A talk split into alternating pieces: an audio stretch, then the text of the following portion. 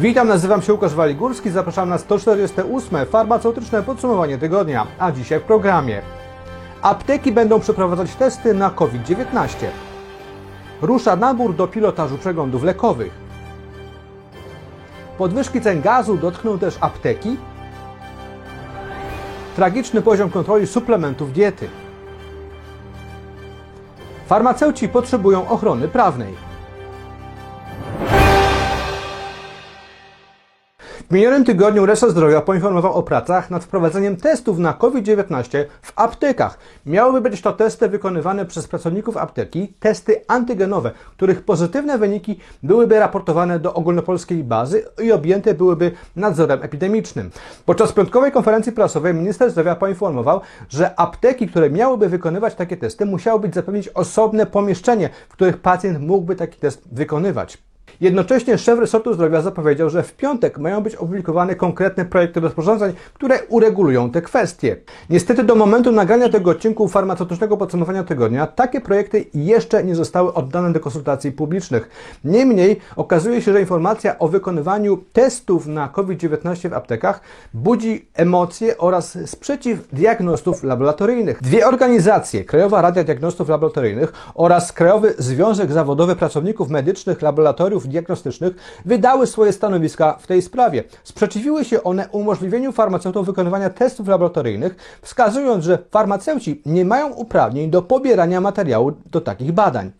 Krajowa Izba Diagnostów w swoim stanowisku napisała: Nie zgadzamy się na wykonywanie jakichkolwiek badań diagnostycznych w aptekach przez osoby do tego nieuprawnione z pominięciem przepisów, do których przestrzegania są zobowiązane medyczne laboratoria diagnostyczne oraz podmioty lecznicze, w których pobierane i wykonywane są testy antygenowe.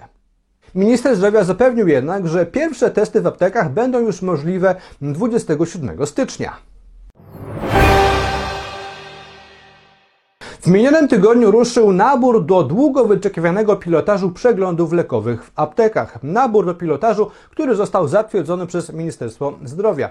Ten nabór farmaceutów oraz aptek, a więc realizatorów pilotażu, prowadzi szpital w Poznaniu, szpital kliniczny imienia Heliodora Święcickiego, a koordynuje ten projekt doktor habilitowana nauk medycznych Agnieszka Neumann-Podczaska.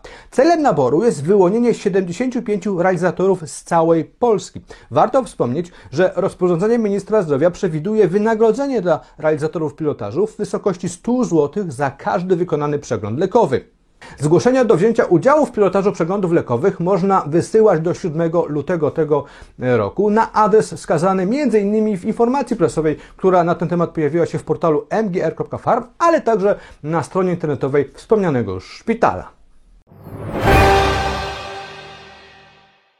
Wiele wskazuje na to, że podwyżki gazu, o których bardzo dużo mówi się obecnie w mediach ogólnopolskich, dotkną także aptek. Już teraz właściciele aptek publikują w mediach społecznościowych paragony i rachunki za gaz, które do nich przyszły w ostatnim czasie.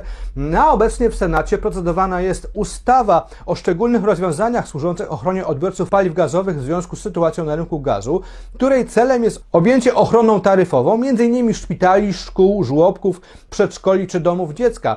Chodzi o to, by instytucje te płaciły za gaz według takich samych stawek jak odbiorcy indywidualni. Ochrona ta miałaby funkcjonować do końca 2023 roku. Na długiej liście odbiorców, którzy mieliby skorzystać z takiej ochrony, y, są również ochotnicze straże pożarne, kościoły, archiwa czy rodzinne domy pomocy, y, warsztaty terapii zajęciowej i inne.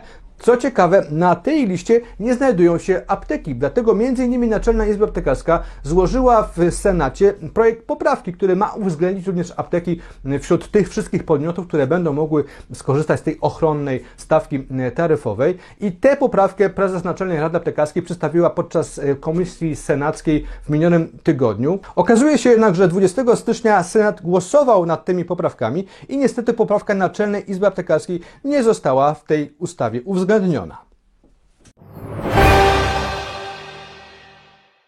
W minionym tygodniu Najwyższa Izba Kontroli opublikowała swój raport na temat kontroli rynku suplementów diety. Raport ten niestety nie pozostawia suchej nitki na GIS, czyli Głównym Inspektorze Sanitarnym, który jest odpowiedzialny za nadzór nad żywnością, a więc także suplementami diety. Z tego raportu można się m.in. dowiedzieć, że nawet przez kilka lat nieświadomi zagrożenia nabywcy mogli kupować niebezpieczne dla zdrowia suplementy diety. Przypomnijmy, że podmiot wprowadzający na rynek suplement diety ma obowiązek powiadomić o tym inspekcję sanitarną. Okazuje się, że weryfikacja niektórych z takich powiadomień ciągnęła się latami. Najdłuższe analizy trwały od 2 do niemal 14 lat. Z kolei od 3 miesięcy do 3 lat trwało wyjaśnianie, czy zgłoszony produkt jest bezpieczny.